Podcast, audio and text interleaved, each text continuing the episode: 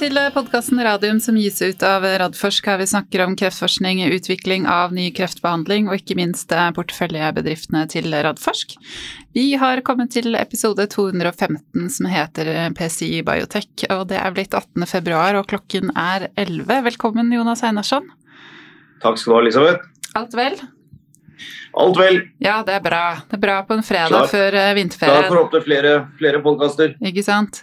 Uh, og velkommen i studio, Per Valdei, CEO PCA Biotech. Tusen takk for det. Og CFO Ronny Skuggedal. Dere kommer jo nesten, eh, holdt på å si, nesten rett fra kvartalspresentasjonen. Vi rakk en kaffekopp. Dere rakk en kaffekopp. Og 2021-presentasjon, som dere faktisk ja. Eh, har. Eller interim, da, som dere sier, men den er vel mer eller, mer eller mindre klar. Um, det var veldig eh, spennende å følge presentasjonen i dag og høre planene videre. Vi skal snakke mye mer om det. Vi skal bare ha med én eh, nyhet, fordi Targovax hadde sin Q4-prestasjon, det var vel i går, var det Jonas? Ja. Mm -hmm. Eh, og du har rukket å se på den, det har ikke jeg. Er det noe å kommentere på den?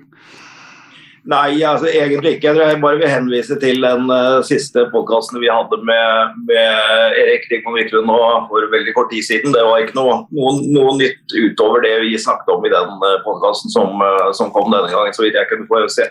Mm. Ja, men Det er bra. Det er da episode 211 for et par uker tilbake, som man kan gå tilbake på, da.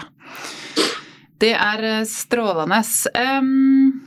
Da kan vi snakke mye mer om eh, Q4 2021 eh, med dere. Og det var knytta ekstra stor spenning, nettopp fordi det er jo så mange uker siden dere la ned release-studien, og så varsla dere jo at det ville komme mer i dag. Og det gjorde det jo. Kom jo masse spennende. Kan vi ikke bare starte kanskje med det mest spennende, strategien framover og planene framover for Fima VAK? Det kan vi gjøre. Det er eh, et eh, program som vi prøvde å gå litt mer i dybden på i dag, for å minne folk om hva dette her egentlig dreier seg om. Eh, og Firmavac-teknologien har jo helt fantastisk gode prekliniske resultater, som vi har tatt over i, i også translatert over til menneske i en fase 1-studie i friske frivillige. Så jeg gikk gjennom litt og kikket litt bakover i tid og viste en del av disse resultatene. Unnskyld. Og eh, det som vi ser med den teknologien, er at vi kan øke T-celleresponsen. Og ikke minst da CD8-T-cellene, disse T-cellene som er en vaksinerespons eh, som eh, er veldig viktig for terapeutiske vaksiner, fordi at det er de som går inn og virkelig dreper kreftceller hvis du har det som en terapeutisk kreftvaksine. Og det er jo sånn at disse checkpoint inhibitorene de har jo virkelig revolusjonert uh, kreftbehandling. Men dessverre så er det jo fremdeles veldig mange som ikke responderer. Uh, og har det man kaller for sånne cold tumors, eller kalde tumører. Uh, som immunsystemet rett og slett ikke kommer til. Så det hjelper da ikke å slå av disse checkpointene som disse checkpoint inhibitorene gjør, disse immunterapiene, fordi at du har ikke en respons. og Det kan være mange grunner til det, men en av de grunnene er jo da også at eh, det kan være nedregulert sånn at du ikke har T-celler. Og da Hvis du kan få boosta opp disse T-cellene, så, så, kan du få disse immunterapiene til å fungere igjen. Og det kan jo gjøre at du kan få veldig langvarige responser i, i, i disse pasientene. Eh, og da har, da vi Eh, gått igjennom eh, ganske grundig eh, hva er den mest fornuftige strategien for oss å ta fremover. Og vi har definert en pasientpopulasjon ut av det, som vi fortalte om i dag. Det, er, det blir da HPV-negative, som det heter. Altså ikke de som har fått denne virussykdomkreften, men de som er HPV-negative, altså de gamle, den gamle formen for hode-halskreft, kan man kalle det for. Som Eh, som vi kommer til å gå inn i. Eh, og det er pasienter med svært dårlige utsikter. Eh, og de er mindre enn halvparten av dem som er sensitive for sånne checkpoint inhibitors. Så det vi ønsker å gjøre da, er å se om vi kan konvertere disse som ikke er sensitive, til å bli sensitive. Og det mener vi at vi har en For de som ikke er det pga. at de ikke har en god nok T-cellerespons, så mener vi at vi har en teknologi som passer veldig godt til å gjøre det. Så her har vi etablert en, en ekspertgruppe av klinikere som internasjonalt som er virkelig store navn innenfor både akkurat den sykdomsformen og immunterapi. Eh, og de hjelper oss eh, og er veldig imponert av de prekliniske dataene og det de har sett av våre, våre data på, på, Healthy Volunteers, og har lyst til å, å, være med på dette. Eh, så de hjelper oss til å utvikle dette, denne planen på en mest mulig fornuftig måte. Og da kommer vi til å samle sammen dette forumet og sette de siste bitene på plass nå i løpet av våren. Og da har vi et helt ferdig studiedesign ned på minste detalj. Samtidig med det så driver vi nå og produserer det som skal være disse peptidantigenene som vi har valgt ut til å være med i, i den cocktailen som vi skal gi eh, til, til disse pasientene. Uh, og det er et uh, det arbeid som Dette skal jo bli vårt eget produkt, så dette blir et arbeid som da må gjøres såkalt GMP. Det må produseres på, på, en måte sånn at du kan injisere det i mennesker etterpå. Og det er ganske strenge regulativ rundt det. Så det er jo også tar, en, tar sin tid, men den prosessen er i gang. Vi holder på å uh, produsere disse produktene. Og så kommer vi til å komme tilbake når vi har mer å melde på hva som gjelder tidslinjer og uh, hvor mye et sånt studie kommer til å koste. Uh, og så vet vi jo heller egentlig ikke i dag, pga. at vi holder på å stenge release-studien, akkurat hvor mye penger vi har. For det er en forhandlingssak uh, og en prosess som man må igjennom når man skal stenge en sånn stor studie. Hvor stopper man den, hvor lenge følger man pasientene, hva må man gjøre, hvilke data må samles inn og hva bør samles inn. Og akkurat det er en, eh, en, sak som vi jobber med den store CRO-en på. Nå hopper mm. jeg litt over på release plutselig, men eh, det var bare for ja, å sette ja. ting litt i perspektiv. Ja, men om, eh, alt henger jo sammen med alt. Alt henger litt sammen med alt, det gjør det. pleier jo å gjøre det, både finanser og at dere må da avslutte release. Men jeg tipper Jonas Einarsson har sikkert både en kommentar og noen spørsmål først til, til Fimavak, og jeg har masse oppfølgingsspørsmål. Begynn med deg, Jonas. Ja, Uh, nei, altså jeg, jeg syns jo det ville vært veldig spennende å se uh, en, en proof of concept-studie. Uh, men det er klart, vi fikk vite litt mer i, i dag, at det er head and neck. og at det er såkalt refraktære, altså at det er pasienter der hvor checkpoint-inhibitorer ikke har virket. Og med den indikasjonen der, så vet vi at dessverre at det går veldig fort veldig dårlig med, med disse pasientene. Eh, det forventes jo bare en, en, uheldig eh, utvikling av den sykdommen. Eh, og det er litt sånn som også Targovax gjorde med sitt Onkos 102, at hvis du klarer å snu noen av disse pasientene til faktisk å respondere når de ikke har gjort det før, så så vil liksom hver, hver, pasient du får et positivt resultat på, vil være en indikasjon på at det kanskje kan eh, skyldes da denne nye tilleggsbehandlingen. Eh, så det er klart at immunterapi flytter seg jo mer og mer over til, eh, til både annenlinje og ikke minst også førstelinje i mange indikasjoner etter hvert. Sånn at hvis man skal, skulle kjørt en større randomisert studie, så hadde man vel uh, antagelig villet gå for en tidligere linje som vi har gjort med, med uh, andre studier. Uh, men jeg tror nok det er riktig å gjøre det i, i, den indikasjonen her for nettopp å kunne få noe verdifulle data ut av det. Så det har vi fått vite. Og så er det jo masse masse spørsmål igjen som jeg veldig ser fram til å få fra, fra PCI nå utover våren. og Jeg håper at når har noen nyheter, enten det da er en endelig studiedesign eller kan fortelle oss hvilke peptider man skal bruke, eh, at man ikke bare venter til kvartalsrapporter, men eh, holder oss så løpende oppdatert som mulig. For det er klart, eh, vi som har investert i selskapet, er jo veldig, veldig spent på, på hvordan dette, dette, utvikler seg videre. Eh, og selvfølgelig det som Per også var inne på, hva blir den endelige runwayen når man da vet, eh, vet eh, kostnadene ved, ved release?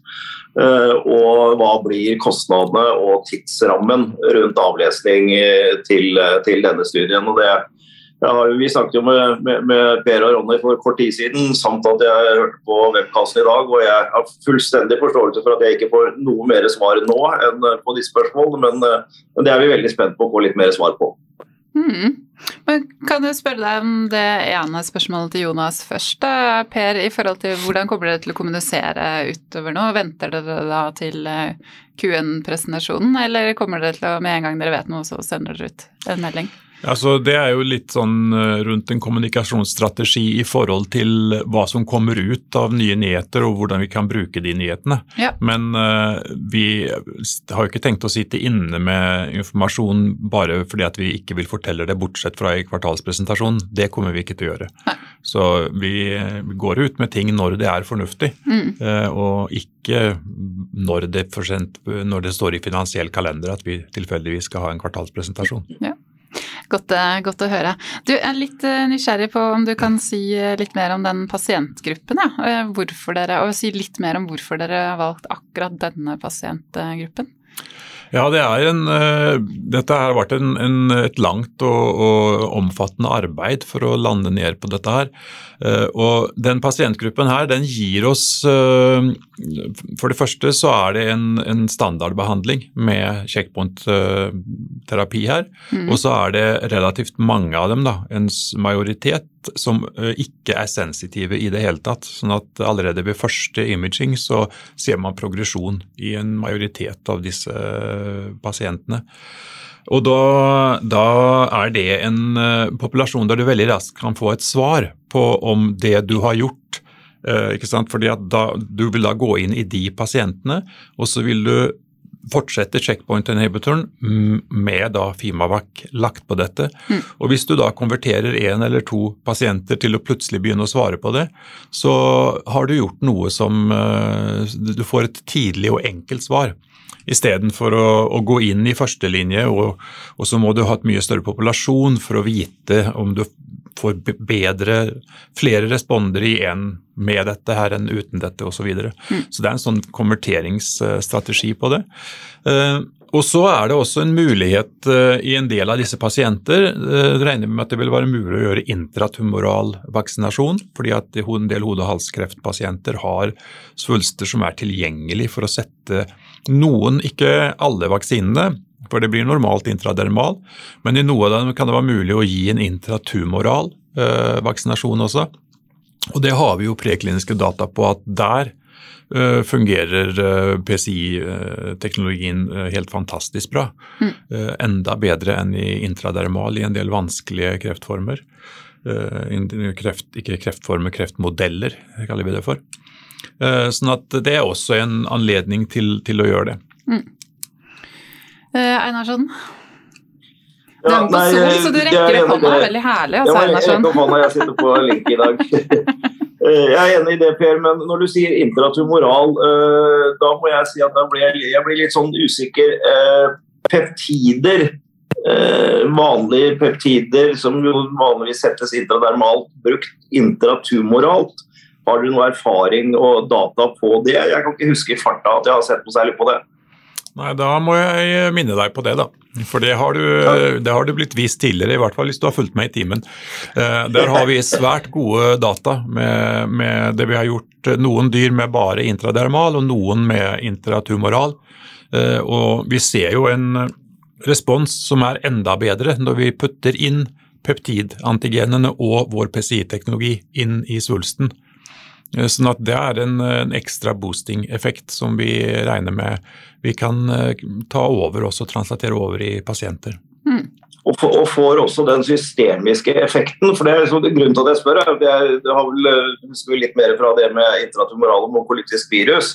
Og Der har jo litt av utfordringen vært å få den systemiske effekten, som de da kaller for abskopal. Altså at det er andre tumorer som, enn de som blir injisert i også forsvinner. Ja, det vi har gjort her er studier med to svulster, og der vi har da vaksinert den ene svulsten. Eh, og ser veldig god respons på begge svulstene. Så, så de, disse dataene har vi presentert tidligere, altså, men vi kan jo komme tilbake til, til de igjen også. Vi har mye data som, som vi kan uh, ta opp igjen for å vise og begrunne de valgene vi gjør. Mm. Eh, du sier at det er Men det er vel Ja. et poeng her òg om at vi kommer ikke til å selektere pasienter basert på tilgangen på intratumoral. Det gjør vi ikke. Nei, Altså, Så man ser eh, på begge Sånn at eh, det er en sånn Dersom I de pasientene der dette er mulig, så vil man gjøre det. Mm. Men uh, det kan være at du da inkluderer i en liten studie at det faktisk ikke var mulig i noen av de pasientene. Det vet vi ikke på forhånd. Mm. Men uh, når det er eventuelt mulig, så vil vi prøve å få inn det også. Ja.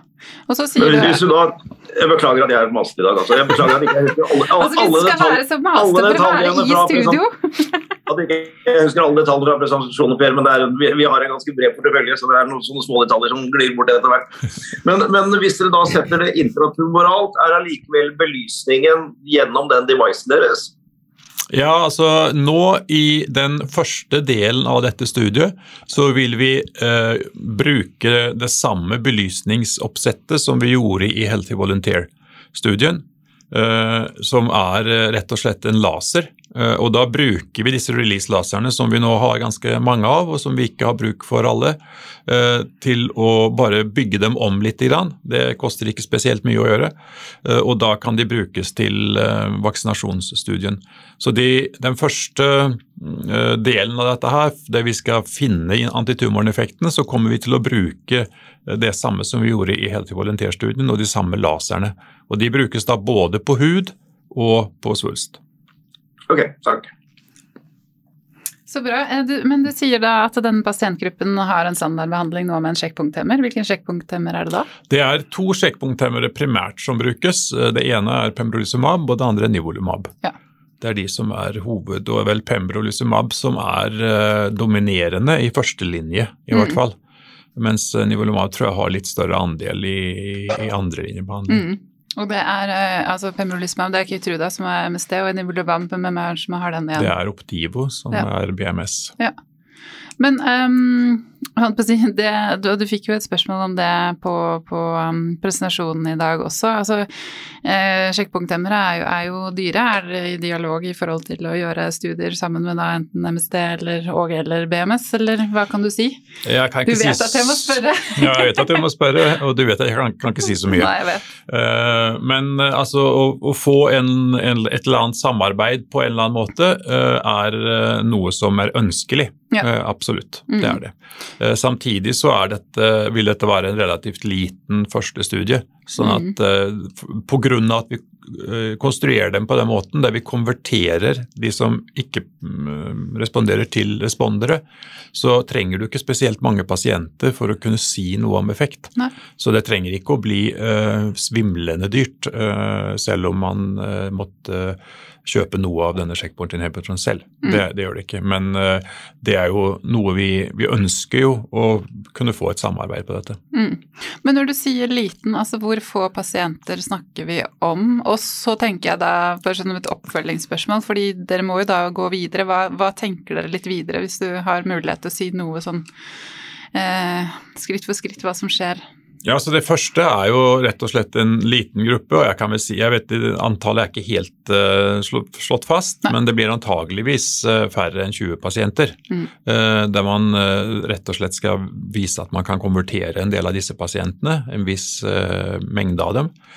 Og så bygger man på den studien. Eh, Når man da får det hintet, så bygger man på den studien. Så det er en slags interimavlesning for å Mm. se at her ser det ut som om det er, eh, kan være et, et signal. Så bygger man på den og kanskje dobler den eller noe sånt for å få et mer robust bilde. Mm. Og så er det jo mulighet til å ekspandere eh, populasjon etterpå.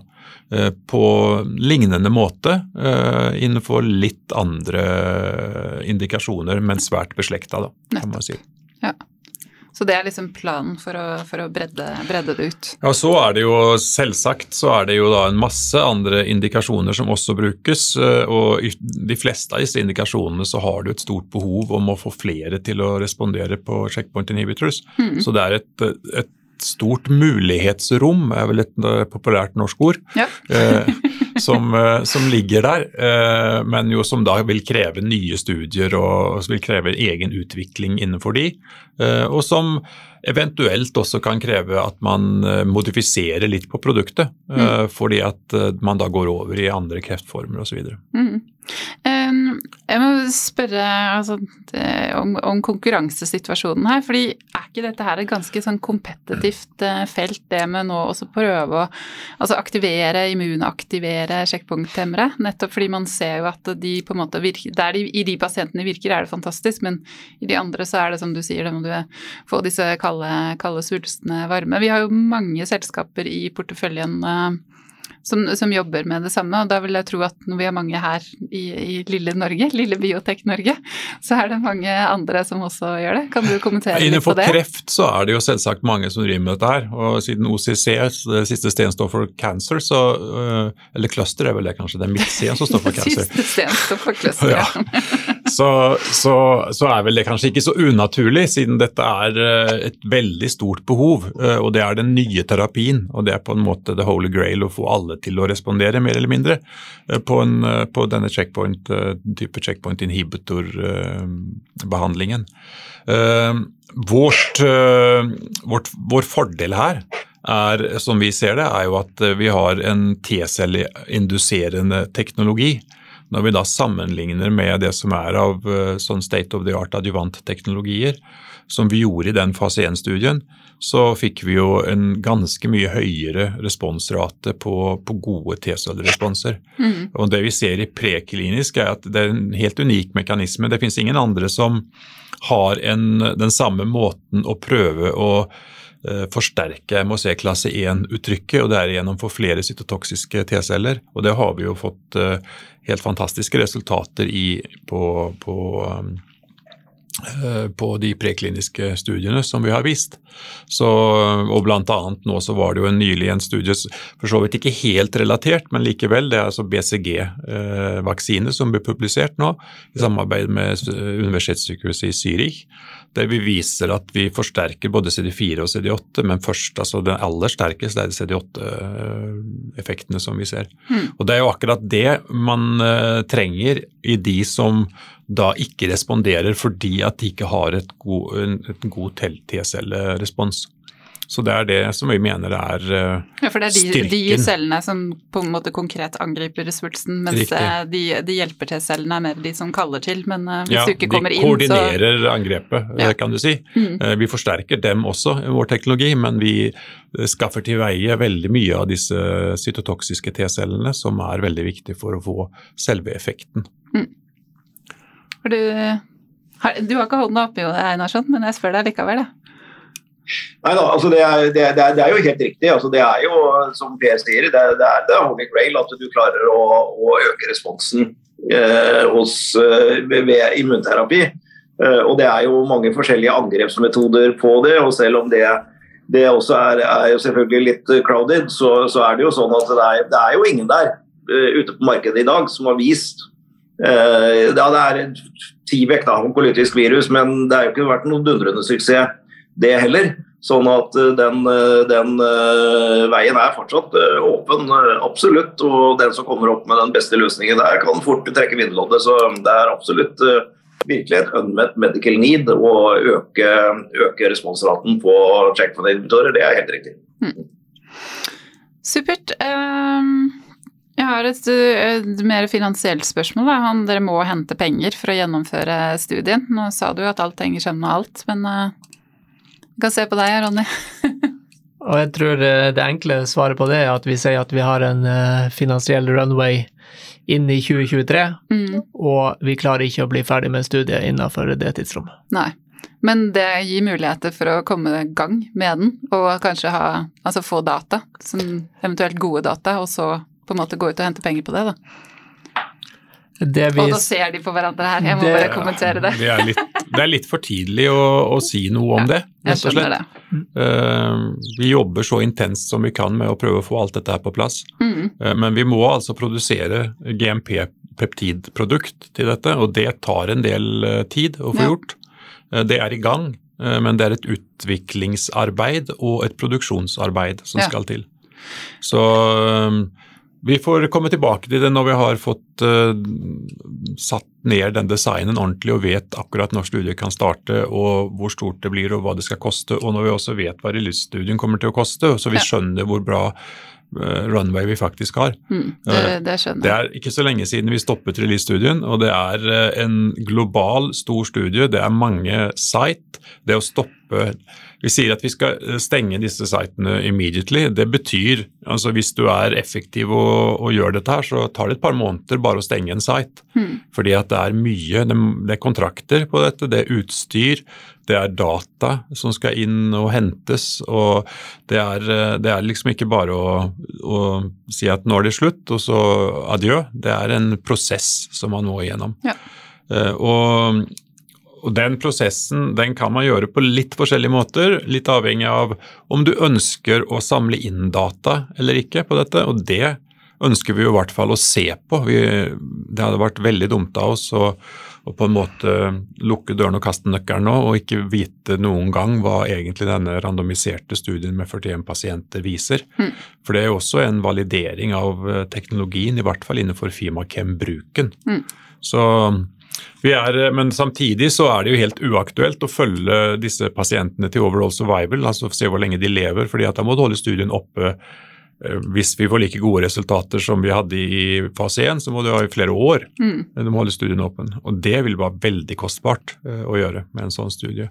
Så vi eh, eh, Men dette her er en prosess som vi er inne i nå og diskuterer med, med, med CRO-en, altså de som kjører studien, Mm. hvordan vi gjør dette på best mulig måte. Ja. Men det er et, eh, et relativt eh, stort utfallsrom her eh, foreløpig som vi må lukke før vi går ut og kommuniserer. Så vi ønsker ikke å kommunisere feil ting. Det, det skjønner jeg. Men i forhold til Fimavakt, da, altså tidslinjen Du sier at kanskje altså i løpet av våren så har dere studiedesign klar? Muligens? Ja, det håper vi nok at Ja. vi skal ha. Men i forhold til produksjonen og det utviklingsløpet, snakker vi da i løpet av 2022? Ja. Ja. Mm. Det kan vi si. At jeg, føler jeg pusher litt i forhold til jeg er, sånn, er det greit å spørre om dette? Men jeg spør, jeg, Ja, ja, burde nei, men I løpet av 2022 så bør vi ha dette produktet på plass. Ja. Eh, Det, det bør vi. Ja, Eh, sånn at inn i, inn i klinikk 2022-2023 ja, ja, så får vi se, da. Eh, Vi kommer tilbake til det, som sagt. Good. Eh, vi kan gå eh, videre til eh, Fimanak, for du snakket jo mye om det i dag også. Der har du veldig mange forskningssamarbeid, og her er det jo også et stort eh, behov, altså nettopp for å hjelpe disse eh, nukleinsyrene inn der Mm. de skal gjøre jobben sin. Men Mm. si litt mer om tankene deres her. Altså Tankene der er jo at vi nå skal drive dette litt mer internt og få det til å, å Det vi har sett, eh, sånn som vi har operert, det har jo vært vårt tredje ben, som vi på en måte ikke har fokusert veldig mye på, men hatt mer som en opportunistisk strategi. Eh, selskaper med nukleinsyrer som trenger bedre levering, de kan kontakte oss, og så kan de prøve teknologien, og så får vi se om du får noe ut av det. Eh, vår erfaring med dette her ut fra et business development-perspektiv er at vi trenger nok mer klare løsninger, og kanskje fokusere inn dette på de områder som vi ser er mest egnet for vår teknologi. Så det vi har gjort er en eh, god gjennomgang av eh, forskning og mulige strategier. Og så har vi landet ned på en del eh, applikasjoner og satt i gang et, en utviklingsplan for å prøve å utvikle disse mer til en slags sånn turnkey-applikasjon som er da ferdig til bruk, istedenfor at eh, vi har en teknologi som eventuelt kan tilpasses til noe noen driver med. Så prøver vi mer å komme med en ferdig løsning for hvor, hvor, hvordan vår teknologi kan brukes i akkurat den applikasjonen. Eh, og ta den innfallsvinkelen isteden. Det tror vi nok eh, vil gi et bedre grunnlag for oss i relasjon til det forretningsutviklingsarbeidet vi skal drive med på, på området med Fimanak også. Mm. Og da er det jo eh, ganske på en måte selvfølgelig at eh, vi tar da det som er lett å lyse på, der det er et, helt klart et veldig stort behov og et stort marked potensielt. og der vi har prekliniske resultater som tilsier at det ser ut som vi har en god mulighet til å lykkes. Og Da blir det første området eh, det største organet denne kroppen vår har, og det er huden. Og Der er det masse hudsykdommer. Mm. Og, og, det er ganske komplisert biologi, og ikke så lett alltid å behandle. Og mange av disse tingene kan eventuelt styres bedre, kanskje, med eh, type nukleinsyreterapier enn med bare å prøve å gi eh, small molecules eller, eller, eh, eller, proteiner og peptider. Mm. Så vi tror det er et veldig interessant område å gå inn i. Fins det preparater på markedet i dag allerede med nukleinsyrer for behandling? Nei, det finnes ikke, i hvert fall ikke i den vestlige verden, så Nei. er det ikke noe som jeg kjenner til. Mm. Jeg, jeg, lurer på om det finnes noe som er godkjent i Kina, okay. kanskje, men uh, det er ikke noe utbredt foreløpig. Mm. Spennende. Har du noen kommentar, Einarsson? Nei, altså bare, bare på generell basis. når man har en teknologiplattform og en ny og veldig spennende teknologi, hvilket utvilsomt PCI-teknologien er, så, så, gjelder det å, å finne noen som er i ferd med å utvikle et produkt som de ønsker å satse på, og som de er villige til å legge ressurser og, og penger inn i, men trenger da denne teknologien for å komme videre med utviklingen av sitt produkt. Eh, det er liksom clouet for, for, å få til en, en, god avtale. og Det går jeg ut ifra at de analyserer i det vide og det brede hvordan man best skal angripe den, den type selskaper som, som, du ser har produkter, men sliter med, med leveringsteknologien. Det er et veldig godt poeng. Godt poeng å ta med seg videre. Vi har jo snakka om release-studien eh, litt sånn innimellom her. Jeg vet ikke om du har noe mer å tilføye der? Altså det, det som jeg tenker på er jo, som du snakket mye om i podkasten når du var her sist, den der potensielle verdien som faktisk kan ligge her. Mm. Um, men da, da, det er jo liksom i dataene eh, er det noe man ser for seg at man kan vite mer om i løpet av året? Ja. ja. Det mener jeg. At, mm. altså Noen av disse pasientene vil vi jo følge da til de har ferdig sin behandling, og det er i De siste er vel i august, eh, tror jeg. Ja. Så det vil jo ta til annet halvår før vi har uh, endelige svar på dette her. Mm. Uh, men det er jo sånn at du kan åpne opp disse dataene og se på dem, men du bør jo på en måte analysere dem frem til nå er det sånn at Vi fikk veldig mange pasienter inn i, i, mot slutten av studien. Mm. Og de har ikke hatt sin første Vi har ikke noe efficacy-resultater i det hele tatt på de foreløpig. Så, så, der er det mm, at man må vente litt for å se om det er ting som er fornuftig å kommunisere. Og hvis vi finner ting som er fornuftig å kommunisere, så, så kommer vi til å gjøre det. Eller så venter vi til vi har samlet inn alle resultatene, dersom det er det som trengs for å kunne gi noen eh, signaler på dette. Mm. Og så får vi kommunisere til høsten hva som kom ut av det. Mm. For det, det, var jo som noen påpekte i dag, altså det er jo da 40 pasienter, og de er jo randomisert. Eh, Ca. én til én, selv om dere har hatt mer, altså flere som kanskje ikke har vært med i denne kontrollgruppen. De er randomisert én til én, men det er en del mm. som har sluttet i, mer som har sluttet i én arm enn i den andre. Ja. Det er eh, riktig. Mm. Og det var 41 pasienter. 41. Mm. Beklager. Den er god. Vi har snakka litt om finansielle situasjonen, Ronny. Vil du utdype litt? Grann? Jeg tror vi vel har eh, dekka eh, det som er å si. Vi hadde 116 millioner i banken. Det er usikkert eh, rundt avslutningskostnadene til release, avhengig av mange forskjellige vurderinger som Per har dratt gjennom. Mm. Så jeg tror eh, det er oppsummert, om enn ikke så detaljert som lytterne ønsker, men sånn er det nå en gang. Ja, Men sånn situasjonen per nå, så har dere penger eh, ut i 2023, og så kommer jo ting til å forandre seg på veien her i forhold til de planene dere har, og da kommer dere til å justere dette når ja. dere på en måte får dekka inn alle disse usikkerhetsfaktorene. Ja, vi ja. må lukke en del ting før vi, kan, før vi vet egentlig hvordan ting ser ut. Ja.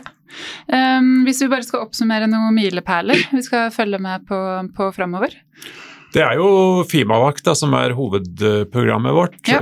Og vi kommer jo til å komme ut med informasjon etter hvert som vi samler inn dette her på først denne Clinical Core-gruppen som skal gå igjennom tingene, og forhåpentligvis da bli enige om en god design for dette, som med alle detaljer på plass.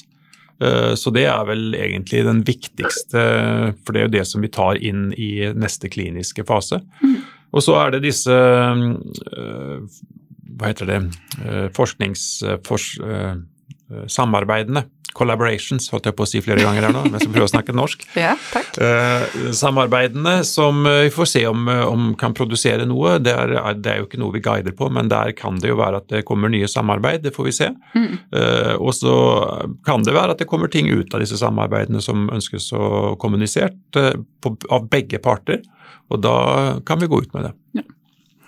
Veldig bra. Og dere hadde jo mange forskningssamarbeid. Jeg klarte ikke å helt telle Det er seks, seks samarbeid. Ja. Mm. ja.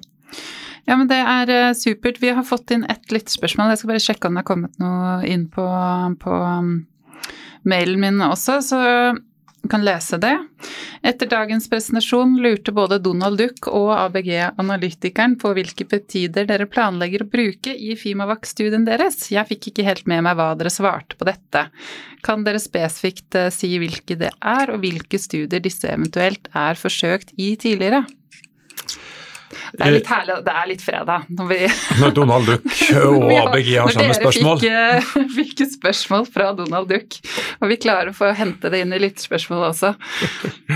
Ja, nei, eh, det er jo Donald Duck har, har stor interesse av dette her, tydeligvis. Eh, så vi kan ikke gå ut med de peptidene nå, vi ønsker ikke å gjøre dette her, og det er av flere grunner. Det er både også litt med IP eventuelt å gjøre. Eh, og hvilke muligheter som ligger der. Ja. Eh, men det jeg kan si, er at det er tumorassosierte eh, antigener. Mm. Altså, som da er selektert på bakgrunn av at vi sikter oss inn på akkurat denne pasientpopulasjonen. Mm. og så får vi komme tilbake til det når vi har fått dekket opp uh, hvorvidt vi har noen uh, grunn til å beskytte det innholdet videre, eller uh, når vi kan komme ut med det, hva, hva disse peptidene faktisk er. Men de er sammensatt basert på det som har blitt rapportert i tidligere kliniske studier. Sånn for å øke da sannsynligheten at den spesifikke miksen som nå er satt sammen, skal kunne gi en god respons. Mm. Det er vel opptrent så mye som jeg kan si, tror jeg. Ja. Vi har fått inn et spørsmål til. Eh, selv om Fimavac er sikkerhetsklarert og formodentlig også aktuelle CPI-er og API-er, eh, nei, er det likevel slik at trippelkombinasjonen må gjennom en særskilt safety review? I så fall vil denne bli integrert i fase 2, eller snakker vi om en unnskyld, rask fase 1B før fase 2 kan starte? Nei, vi snakker ikke om noen uh, rask fase 1B av den grunn at du skal sikkerhetsklarere uh, noen ting. Nei. Det gjør vi ikke. Uh, den, disse peptidene som vi bruker her, og vår FIMA, altså FIMAVAC-teknologi, har vært håndtert i, i kliniske studier. Og peptidene i seg selv er på en måte ikke noe å være bekymra for. Sånne små peptider ikke, av denne typen gjør ikke noen spesiell skade i, i, kroppen. Og det tror jeg man er ganske overen enige om på, på disse, i disse regulatoriske myndighetene. Men det er alltid en vurdering av regulatoriske myndigheter av nye kombinasjoner og hvorvidt det er en safety-sak her. Men jeg tror ikke det umiddelbart nå at det er noe spesifikt Eh, når det gjelder safety av den her, som vi trenger å klarere i, i noen run-in eller noe sånt. Denne her kan vi gå rett inn i, i en, en, studie. Ja, så bra. Har du noe siste kommentar, Einarsson? Nei, jeg syns dette er bra, bra, oppsummert, så jeg bare sitter og dirrer av spenning og får vite mer detaljer. Ja, vi skal opplyse så fort vi kan. Ja. Men da sier jeg tusen takk for at dere tok eh, turen innom studie, studio i dag. Og ønsker dere god helg. Det er tross alt fredag, og så um, gleder vi oss til å eh, få vite mer når den tid kommer. Takk for invitasjonen. Flott. Takk for i dag. Ha det bra. Ha det.